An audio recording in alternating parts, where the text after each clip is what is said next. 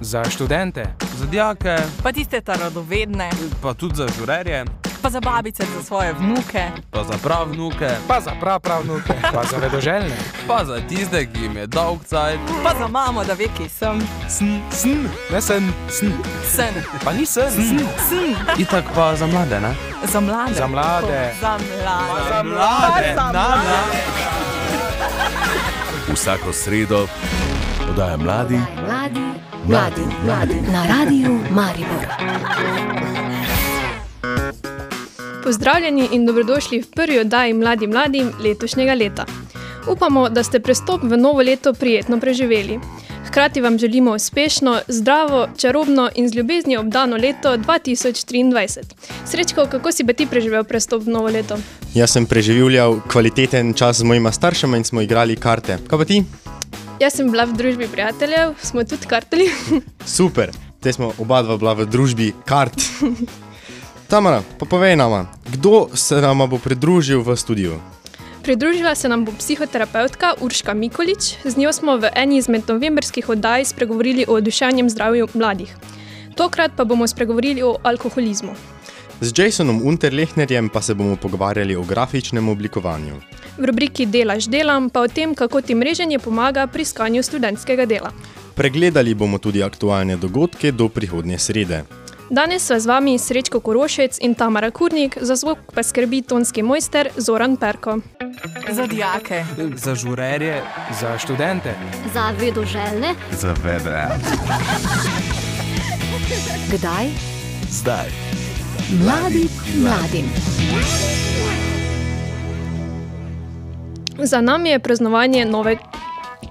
Za nami je praznovanje novega leta. Čas, ko si veliko tako mladih kot starejših privošči kakšen kozarec, dva ali tri alkoholne pijače. Predvidevam, da se v tem času veliko posameznikov tudi sooči s prekomernim uživanjem alkohola. Zato se nam je zdaj, zdaj ravno pravi čas, da v studiu ponovno povabimo psihoterapeutko Urško Mikolič. Z njo smo v eni izmed novembrskih oddaj spregovorili o dušev, duševnem zdravju mladih.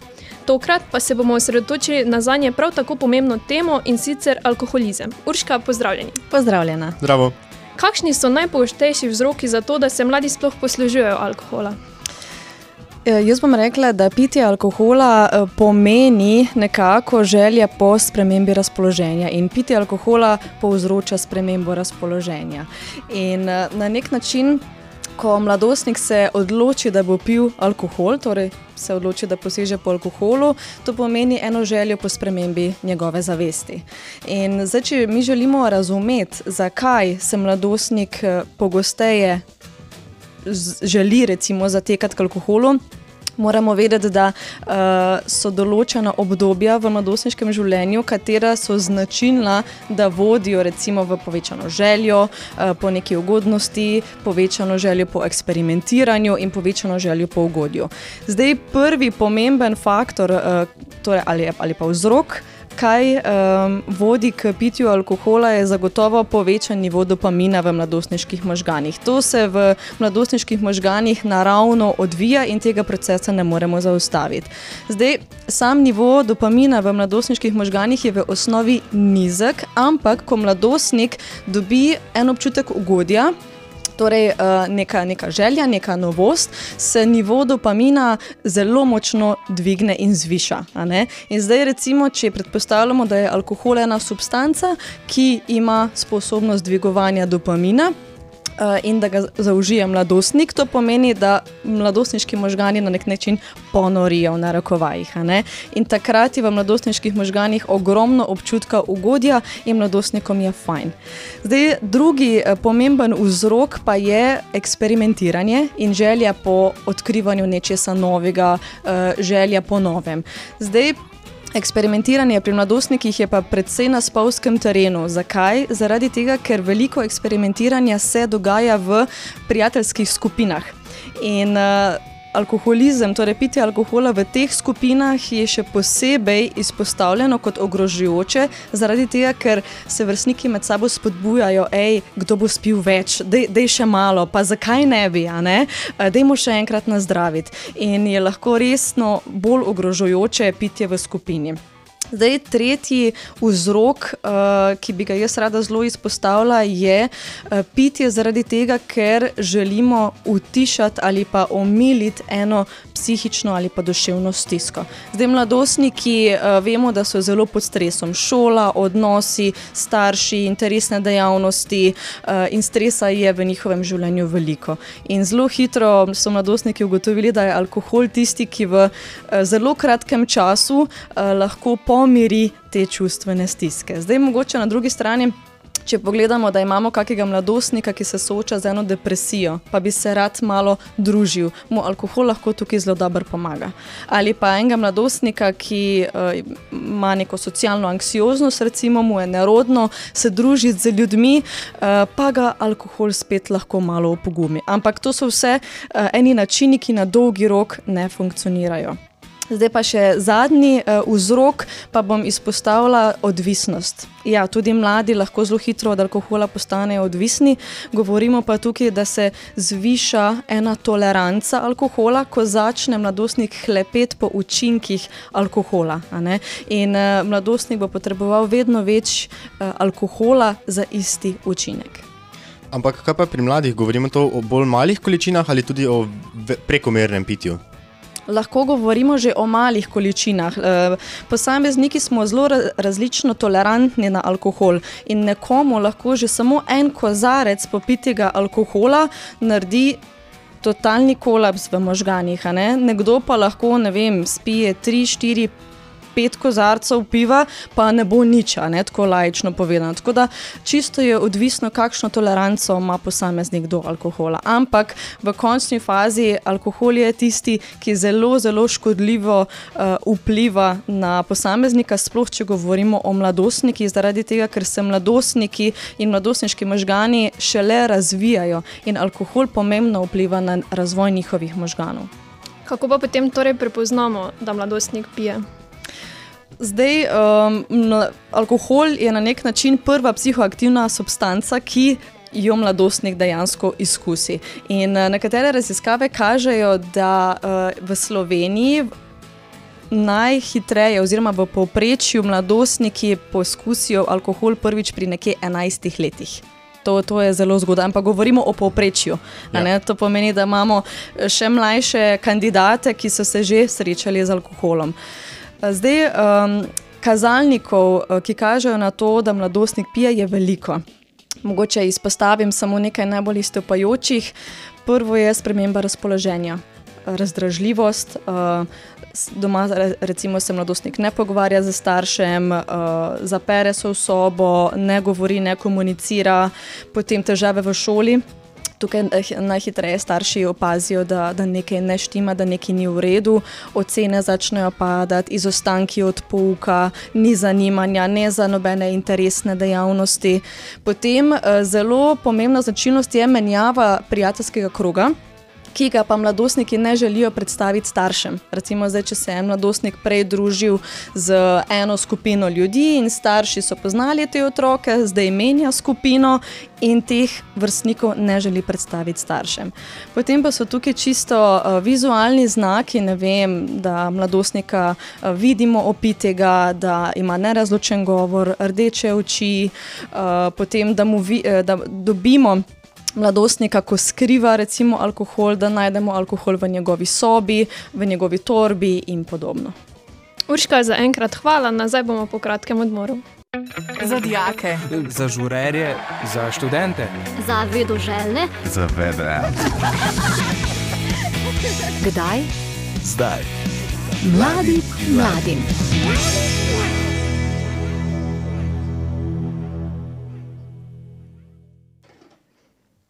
Z nami je še vedno psihoterapeutka Urška Mikolič.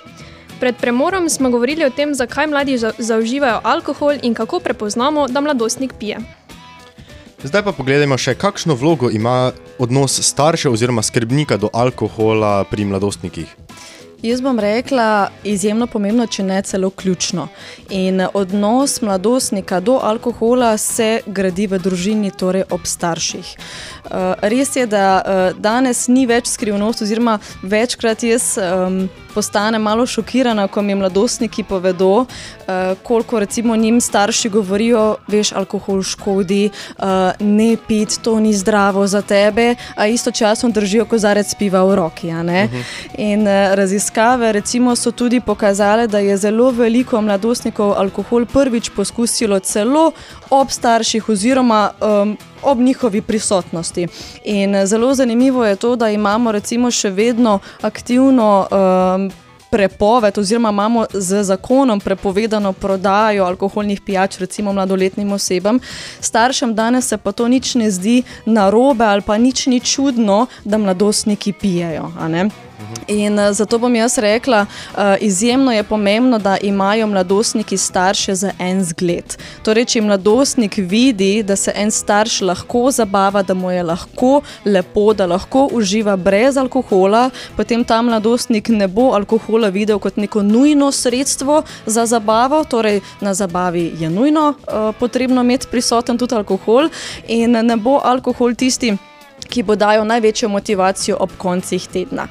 Zdaj, dodatno bi pa jaz zelo, zelo želela izpostaviti, um, pogovarjati se z mladostnikom o alkoholu. In super je, če lahko starši uh, govorijo z otroci in z mladostniki o alkoholu in o posledicah alkohola že pred mladostnikovo prvo izkušnjo. Torej, ni neke uh, hude starostne omejitve, kdaj se začeti z otrokom pogovarjati, čim prej ali pa prvič, ko otrok začne spraševati o alkoholu. In zelo pomembno je, da starši zauzamejo neko jasno stališče, jasno držo, da alkohol ni sprejemljiv, seveda pa je nujno potrebno, da se v skladu s tem tudi vedejo. Ker zdaj, če imamo tam enega starša, ki pametuje in potem um, drži vem, svojo steklenico tesno pri sebi. Mladostniku pa reče, alkohol ni v redu, je takemu staršu ne moramo verjeti, ne moramo zaupati. In eh, dejansko bom rekla, uh, vzgoja do alkohola, odnos do alkohola uh, se oblikuje v družini in zato so starši tukaj uh, zelo pomembni, uh, kakšen zgled dajo, kakšen pomen dajo temu alkoholu. Omenili ste torej, da se morajo pogovoriti tudi o posledicah. Katere pa so te posledice, ki jih alkohol pušča pri mladih? Zdaj, mogoče, če se najprej dotaknem samo možganskega dela. Um, zdaj, alkohol uničuje možganske celice, uh, vpliva na mladostnikove presojo, kritičnost, vpliva na inteligenco in vpliva tudi na kratkoročni spomin. Alkohol dejansko uh, uničuje določene uh, centre v možganjih, kateri se v obdobju mladostništva šele izoblikujejo in se šele razvijajo. Zato je alkohol v mladostniškem obdobju uh, toliko nevaren in toliko škodljiv. Zdaj, uh, omen, omenila sem spomin. Alkohol uničuje te nevrone, ki so zadolženi za spomin. In, vem, mogoče včasih vemo, da smo srečali nekoga, ampak se ne moremo spomniti, kako je zdaj te osebi ime. Uh, zdaj, druge posledice pa so naprimer. Ožanje prijateljskega kroga, torej mladostnik se druži samo z tistimi mladostniki, kateri tudi pijejo, torej da imajo skupaj to pivsko aktivnost. Lahko mladostnik porabi zelo veliko denarja za alkohol, obveznosti grejo na stran, torej šola, interesne dejavnosti, uh, potem zelo veliko je lahko nesreč uh, v opitem stanju, veliko je nasilja neprimernega vedenja, zdravstvenih težav, lahko tudi nezaželenih nosečnosti, in tako naprej. In tako naprej da recimo o skrhanih odnosih z starši sploh ne govorimo. Kako pa lahko ukrepamo, če prijatelju zaznamo, da prekomerno uživa alkohol? Okolica je recimo pri alkoholizmu izjemno pomembna. Zakaj? Zaradi tega, ker je okolica tista, ki bo prva prepoznala in zaznala, da se z prijateljem naprimer, nekaj dogaja. Ne? Ali je to prijatelj, ali je to družinski član, uh, sošolec, kakorkoli. Zdaj, najprej je pomembno se pogovoriti z tem prijateljem, da sploh mi vidimo, kako on vidi svoje vedenje in svoje početje. Ker lahko mogoče, da vam bo prijatelj rekel, ja, se je res malo več pijem, kot bi si želel, ampak ne vem, kako naj si pomagam, ne vem, kako naj to rešim. To je ena čista druga dinamika, kot če imamo mladostnika oziroma prijatelja Ki reče, ne, jaz sploh nimam problema, vi samo mi nekaj težite, uh, vi potencirate to, to sploh ni problem, jaz lahko neham kadarkoli hočem, ampak ne želim, ker mi je v redu. Torej, najprej je potrebno preveriti, kako se mladostnik dejansko odziva na to, ko mu mi rečemo, hej, meni se pa zdi, da mogoče malo preveč piješ. Uh, zdaj, če uh, doživimo nek neprijeten ali pa negativen odziv so strani prijatelja, lahko te svoje sume, te svoje, o, svoje opažanja uh, izpostavimo njegovim staršem, recimo, ali pa kakemu učitelju, ravnatelju, če je recimo ta prijatelj sošolec. Um, In da dejansko potem, recimo, starši ali pa šola tudi ustrezno tukaj ukrepa. Je pa res eh, mogoče, um, da vemo, da dokler mladostnik ali pa oseba, ki ima težave z alkoholom, sama ne začuti in ne vidi, da je to resen problem, bo do sprememb in do pomoči prišlo zelo težko. Torej, posameznik mora sam najprej videti, sam najprej opaziti da nekaj ni v redu z njim in da alkohol ni v redu za soočanje z svojimi težavami. Urška, hvala, da si se nam spet ponovno pridružila in z nami podelila te pomembne informacije. Želimo pa ti vse dobro in upamo, da se ponovno slišimo tudi v prihodnje. Hvala vam. Adijo. Adijo. Naslednjem promo spotu naj prisluhnejo študenti in dijaki. Delam, delamo, delajo, delata, zdelan. Ah, delam. Ja. Je treba delati. Treba je delati. Čakaj, kaj pa plačilo? Plačan si z bogatimi izkušnjami. E, jaz bi raje z denarjem. Imajo tudi cekinčke. E, za študente in dijake? Ja. Pri iskanju študentskega dela za nasvete pogosto vprašamo prijatelje, sorodnike ali znance. In ne malokrat se zgodi, da nam ravno oni povedo za kakšno dobro študentsko delo ali pa nas delodajalcev priporočajo kar sami. Dobro mreženje nas lahko tudi pripelje do naše prve zaposlitve. Več o tem nam bo povedala Patricija, Patricija Močnik iz študentskega servisa M-Job. Patricija, zdravo. Zdravo.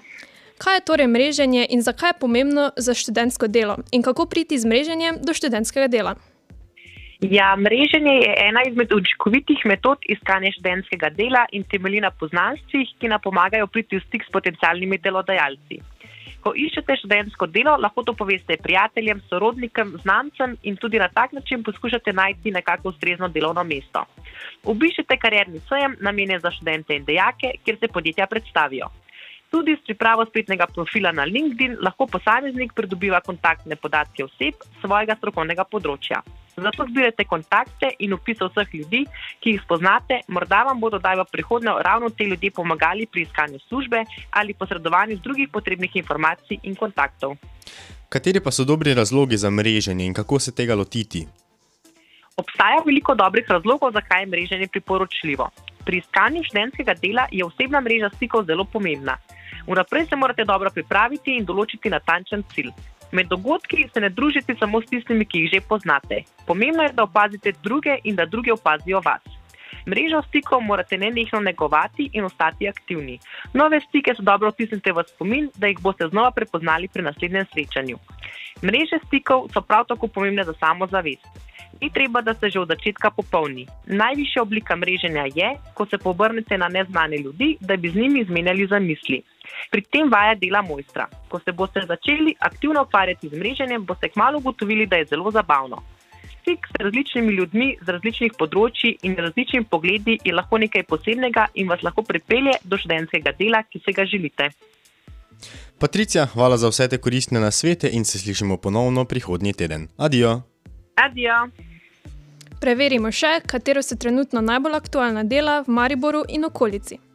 Podjetje McDonald's potrebuje zanesljive študente za delo v njihovih poslovalnicah. Izbiraš lahko med različnimi deli, za katere imaš tudi vodeno vajanje in kasnejšo možnost napredovanja. Urna postavka je od 7,27 evra neto. Podjetje Top Team išče zanesljive študente oziroma študentke za promocijo magazina za otroke na stojnicah v nakupovalnih centrih po celi Sloveniji. Urna postavka je 9 evrov neto plus stimulacija. Podjetje, ki se ukvarja s prodajo izdelkov za boljše počutje, išče osebo za urejanje socialnih omrežij. Urna postavka je od 7 do 10 evrov neto. Pazi, lučka. Ker mene je full strah. Štrckanje s kulicami dovoljeno pod mizo. Telefone izklopimo, ker če zvonijo. Joj, te to je. Nadaljujemo. Mladinska oddaja mladim mladim. Lepa, lahko gremo. Preko telefonske zveze je z nami Jason Unterlehner, ki je svoje šolanje upravil na srednji šoli za oblikovanje Maribor, smer grafični oblikovalec. Sedaj pa si je vzel eno leto pauze ter se pripravlja na univerzo. Jason, pozdravljen. Zdravo. Bravo. Povej nam najprej, zakaj si se odločil prav za grafično oblikovanje? Ja, to je prva mena ljubezen do risanja. In potem so se leta iztekala, dokler ni prišel čas, da se piše na srednjo šolo. Ni me nič zanimalo, prav tako, nobena gimnazija, nič. In potem sem pač videl, da je edina možnost grafično oblikovanje ali pa nekaj v tej smeri. In sem se odločil za to in ne obžalujem, ful je fajn, da sem dal to šolanje skozi. In ja, zdaj sem pa tu. Kolikšen del pri risanju bi pa rekel, da je talent in kolikšen del je trdo delo? Ja, vsi pravijo, kao, da moraš biti ful talentiran, pa to samo noben ne vidi, ko umetnik uh, za mizo doma čepi, pa riše ure in ure, leta in se skozi izpolnjuje. Tako da jaz bi rekel, da pač talent, neki občutek za umetnost ali za lepoto, ne, neki občutek imaš in potem ga samo nadgradiš in nastane pol ta umetnina. Ni neke, jaz ne bi rekel, da je talent toliko bolje trdo delo. No, ampak mi, jaz, meni se zdi, da sem tako malo talentiran za risanje, da niti z trdim delom ne bi mogel priti kam dobro. Volje bi rabo več, pač to je, ne smeš obupati. Hvala lepa. Kaj pa v bistvu sploh grafični oblikovalec dela? Ja, pač malo okoli sebe prvo pogledaj, ko vidiš etikete, pač v trgovini, potem menu, recimo v restauraciji, logotipi vseh znamk. Grafičnega oblikovanja tako malo morje in, potem eh, se deli na različne veje in je vsak nekaj specializiran, recimo potem za tisk, časopisi. Pač grafi, grafično oblikovanje nas obdaja vse posod in je zelo pomembno. Pač, ja, v bistvu je vse posod, samo se ga ne zavedamo toliko. Verjetno ne rišeš samo na papir, torej uporabljaš še kaj druga, naprimer kakšno tablico. Ja, možnosti je veliko. Imaš eno tablico za računalnik, tablico za zaslonom. Pač to je fajn eh, pri kombiniranju tehnik, lahko ročno nekaj narišeš, skeniraš, daš v programe, pa potem recimo oblikuješ nekaj čisto tretjega, kar ne bi mogel samo digitalno, analogno. Da ja, uporabljam tablice in papir, pa pač vse, kar mi prije pod roke, zelo rad eksperimentiram. Se pa rišeš tudi verjetno z različnimi pisali, torej tudi lahko kaj slikaš, uporabljaš kakšne čopice, akril, čopiče oziroma akrilne barve, kar, kaj v tem smislu. Ja, pač akrilnih barv bolj malo uporabljam, uporabljam bolj oglje, eh, kakšne svinčnike, eh, flumastre. eh, Vse, kar najdem, recimo z črnilom, sem zadnjič probal in je ful zanimivo. Večkrat različnih tehnik se mi zdi, da bolj pri, lahko eh, pride do izraza pri kakšni risbi ali pa pri oblikovanju. Torej imaš rajši bolj črno-beli stil. Ja, to je veliki podarek pri meni, črno-belo, nekaj stopanja. Samo moram reči, da nisem preveč omejen, pač, da delam veliko stvari. Jason, hvala za enkrat, slišimo pa se spet po kratkem premoru. Pazi, lučka. Ker mene je full strah. Štrckanje s kulicami dovoljeno pod mizo. Telefone izklopimo, ker če zvonijo. Joj, te to je. Nadaljujemo. Mladinska oddaja mladim mladim. Lepa, lahko gremo. Z nami je še vedno Jason Unterlehner, s katerim se pogovarjamo o grafičnem dizajniranju oziroma oblikovanju. Jason, ali rišeš tudi za dušo ali zgolj samo za veselje? Ja, to je pa ful pomembno vprašanje. Jaz bi rekel, da vsak umetnik ali oblikovalec bi mogel delati za dušo. Ja, delam za dušo skozi, eh, ker me to dopolnjuje nekako, eh, boljše se počutim. Da, ja. Odkot pa dobiš idejo za risbo? E, Ideja je vse posod z nami. Pač kjerkoli greš, karkoli vidiš, pogledaš neki film, slišiš kako muziko, se s kom pogovarjaš. En trenutek si na avtobusu, ideje so vse posod, samo pač moraš jo znati ujeti, zapisati in uporabiti. Torej ti, Pač, ja. torej ti samo pade v glavo, kar naenkrat. Ja, pač spomniš se naenkrat nekaj, ali pa aha, to bi ful dobro bilo, lahko bi to naredil, mogoče en projekt, ko recimo delaš, pa razmišljaš, pa ne priješ na nobene ideje in potem počakaš, čez nekaj časa pa pride sama. Zato, ker razmišljaš o tem in se si ful nabiral neke ideje in naenkrat res neka dobra ideja, ok, to bo pa mogoče delovalo in pol probaš. Pa si pomagaš tudi tako, da naprimer, najprej s, fot z fotoaparatom najprej fotografiraš to sceno oziroma ta prizor in potem ga doma narišeš. Uh, ja, drugače tudi fotografiram.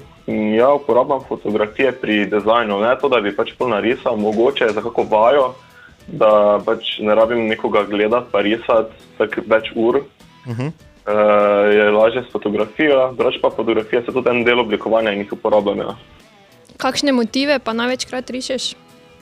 Motive, to pa jaz nimam nobenega tak, nis, nimam nekega stila, ampak način dela imam tako razgiban in motivi so vse razni.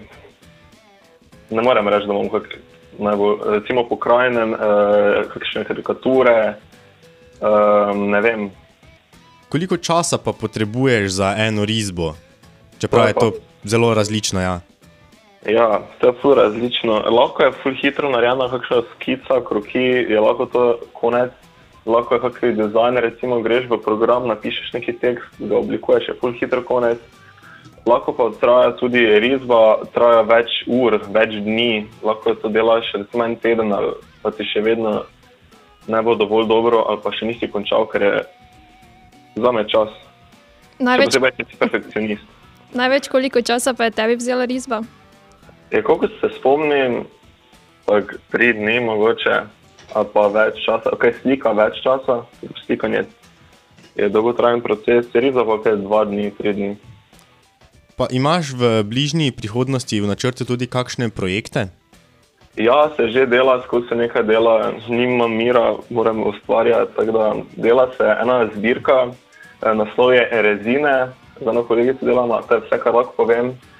Eh, Potem do končnega izdelka bo prišlo naslednjo leto, se mi zdi, ker je pač rabi čas. Ja. To bo risba? Ne, ne, ne, to bo zbirka uh, poezije in bomo obliko, uh, in bom to oblikoval, vse njene poezije bo noter, eh, fotografije, pač tako umetniška zadeva. Torej, ti boš zadolž- zadolžen za um, slike v tej knjigi. Slike, pač oblikovanje, uh, splatnica srednja, pač cela knjiga, kako bo izgledala, dizajn pač. Pa imaš mogoče še kakšen nasvet za koga, ki se želi ukvarjati s tem? Ja, uh, treba se skozi učiti uh, te programe, strajati. Če imaš rad oblikovanje, je super, samo uh, večino oblikovalcev straši, uh, kak je v resnici, ko moš ti za neko stranko nekaj narediti in je potem fuljezna, se nekaj na tebe zdira ali pa stokrat spreminjaš, pa ne plača ti pravi čas. Jaz bi rekel, da pač za vse oblikovalce, eh, da to morajo izkusiti, pa biti potrpežljivi, pa da zna delati z ljudmi, zato ker je lahko ful naporno. Torej, v bistvu samo naj bodo, naj premislijo, preden grejo v to smer. Ja, zato ker ni tako lahko, kot se sliši. Jason, hvala, da si se nam pridružil, mogoče si tudi koga navdihnil za grafično oblikovanje in risanje, mi pa, te, bi- mi pa ti želimo obilo uspehov še v prihodnje. Adijo! Ja. Adijo. Uh, kaj bi šla ti danes z mano ven? Mm, um, mm? Kaj zdaj bi šla, ali ne? Kaj bi šla? Kaj pa jaz? Ja, pol grem jaz tudi. No, če že greste vsi, pa grem še jaz. Napovednik dogodkov. Poglejmo še, kaj se bo v naslednjem tednu dogajalo pri nas. Do 7. januarja še lahko izkoristite vožnjo s panoramskim kolesom na glavnem trgu. Med tednom kolo obratuje od 14. do 22. ure, med vikendom pa od 11. do 22. ure. Turno-smučarski klub Lima vabi to soboto ob desetih na državno prvenstvo v sponu za turne smučarje na Pohorje. Da bo tekmovanje še bolj zanimivo, se bodo s turnimi smučami tudi letos pomerili gorski, trail in drugi tekači. Vrhunec celodnevnega dogajanja bo ob 17. ko se bodo s startom na snežnem stadionu začela tekma med turnimi smučarji in tekači. Ob 16.45 bo na krajši progi od trikotne jase start mladincev. Vabljeni tudi vsi rekreativni turni smučarji in ljubitelji teka ter hoje, saj bo v areni snežnega stadiona pod pohorjem med 10. in 14. možno testiranje turno-smučarske in tekaške opreme Elan in Extreme Vital. Več informacij in prijave najdete na www.tsklima.si. Karierni center Univerze v Mariboru organizira v sodelovanju z Nino Dušič Hren, psihologinjo in trenerko mehkih veščin, v sredo 11. januarja za študente in zaposlene na Univerzi v Mariboru delavnico retorika in javno nastopanje za uspešno kariero. Dogodek, dogodek bo potekal preko Microsoft Teams. Povezavo do prijave lahko najdete na spletni strani dogodki.um.si.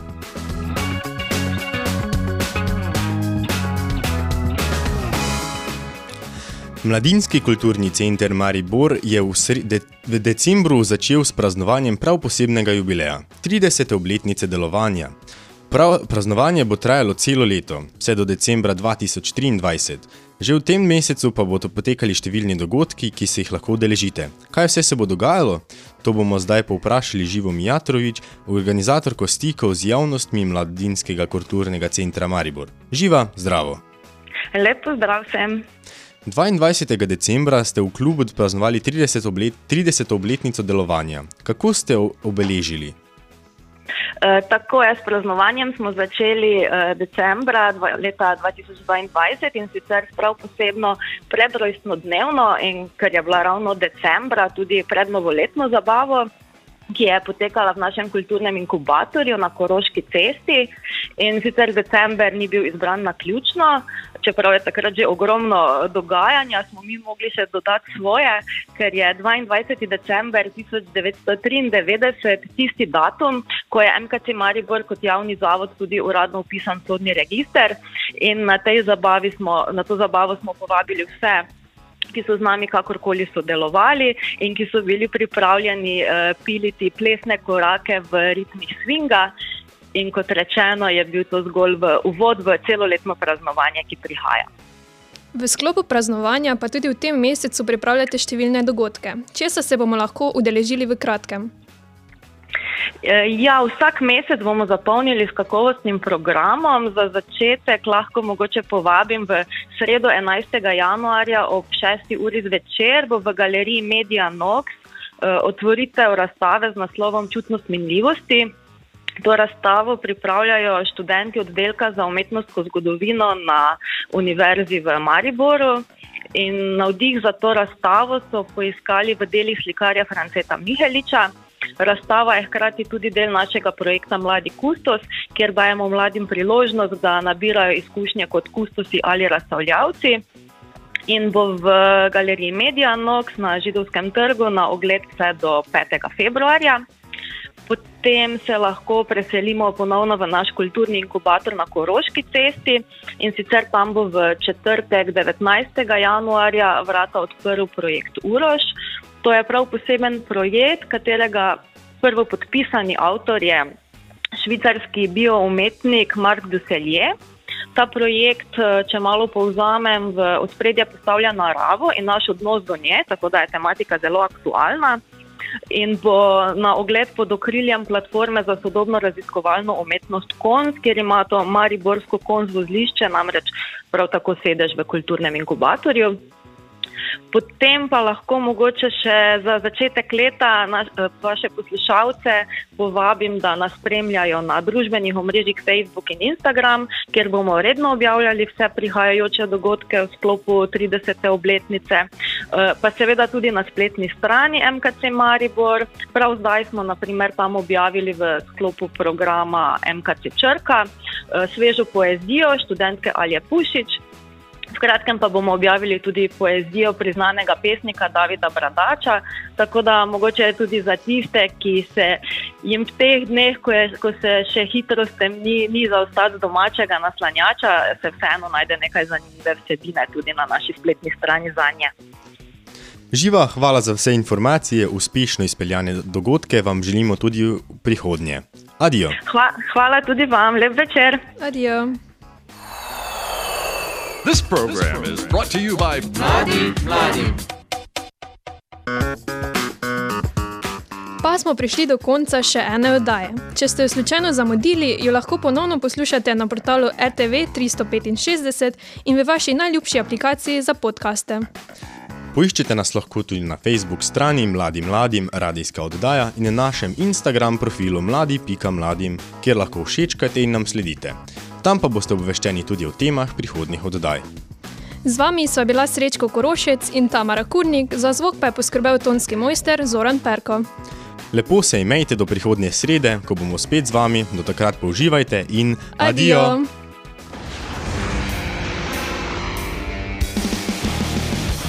Oddaja mladi, Mladi, mladi, mladi na radiju Maribor.